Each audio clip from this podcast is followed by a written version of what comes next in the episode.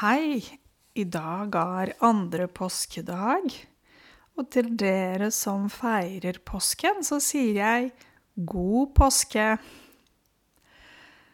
Jeg skal fortsette denne uken med uttrykk eller idiomer som baserer seg på mat.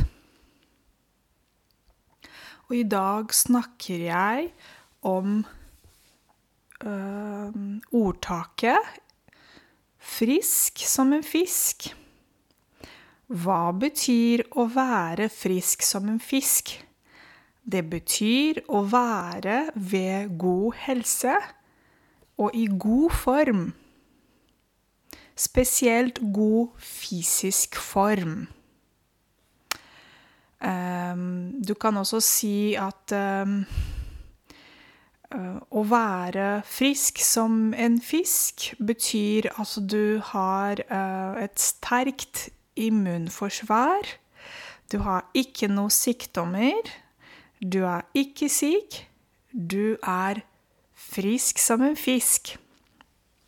I dette uttrykket har vi adjektiv 'frisk' og substantiv 'en fisk'. Hvordan føler du deg nå i disse fridagene? Føler du deg frisk som en fisk? Eller er du litt småsyk, litt forkjølet? Jeg føler meg frisk som en fisk. Jeg har ikke noen symptomer. Jeg er ved god helse. Så for eksempel hvis du skal besøke din fastlege, og han sjekker deg, og så kan han si um, Ja, nei, du har ikke noen problemer, du. Du er frisk som en fisk.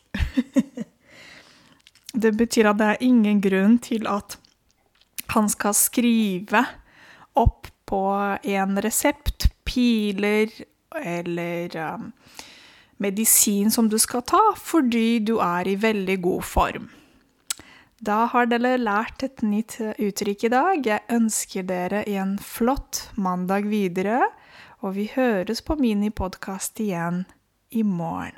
Ha det!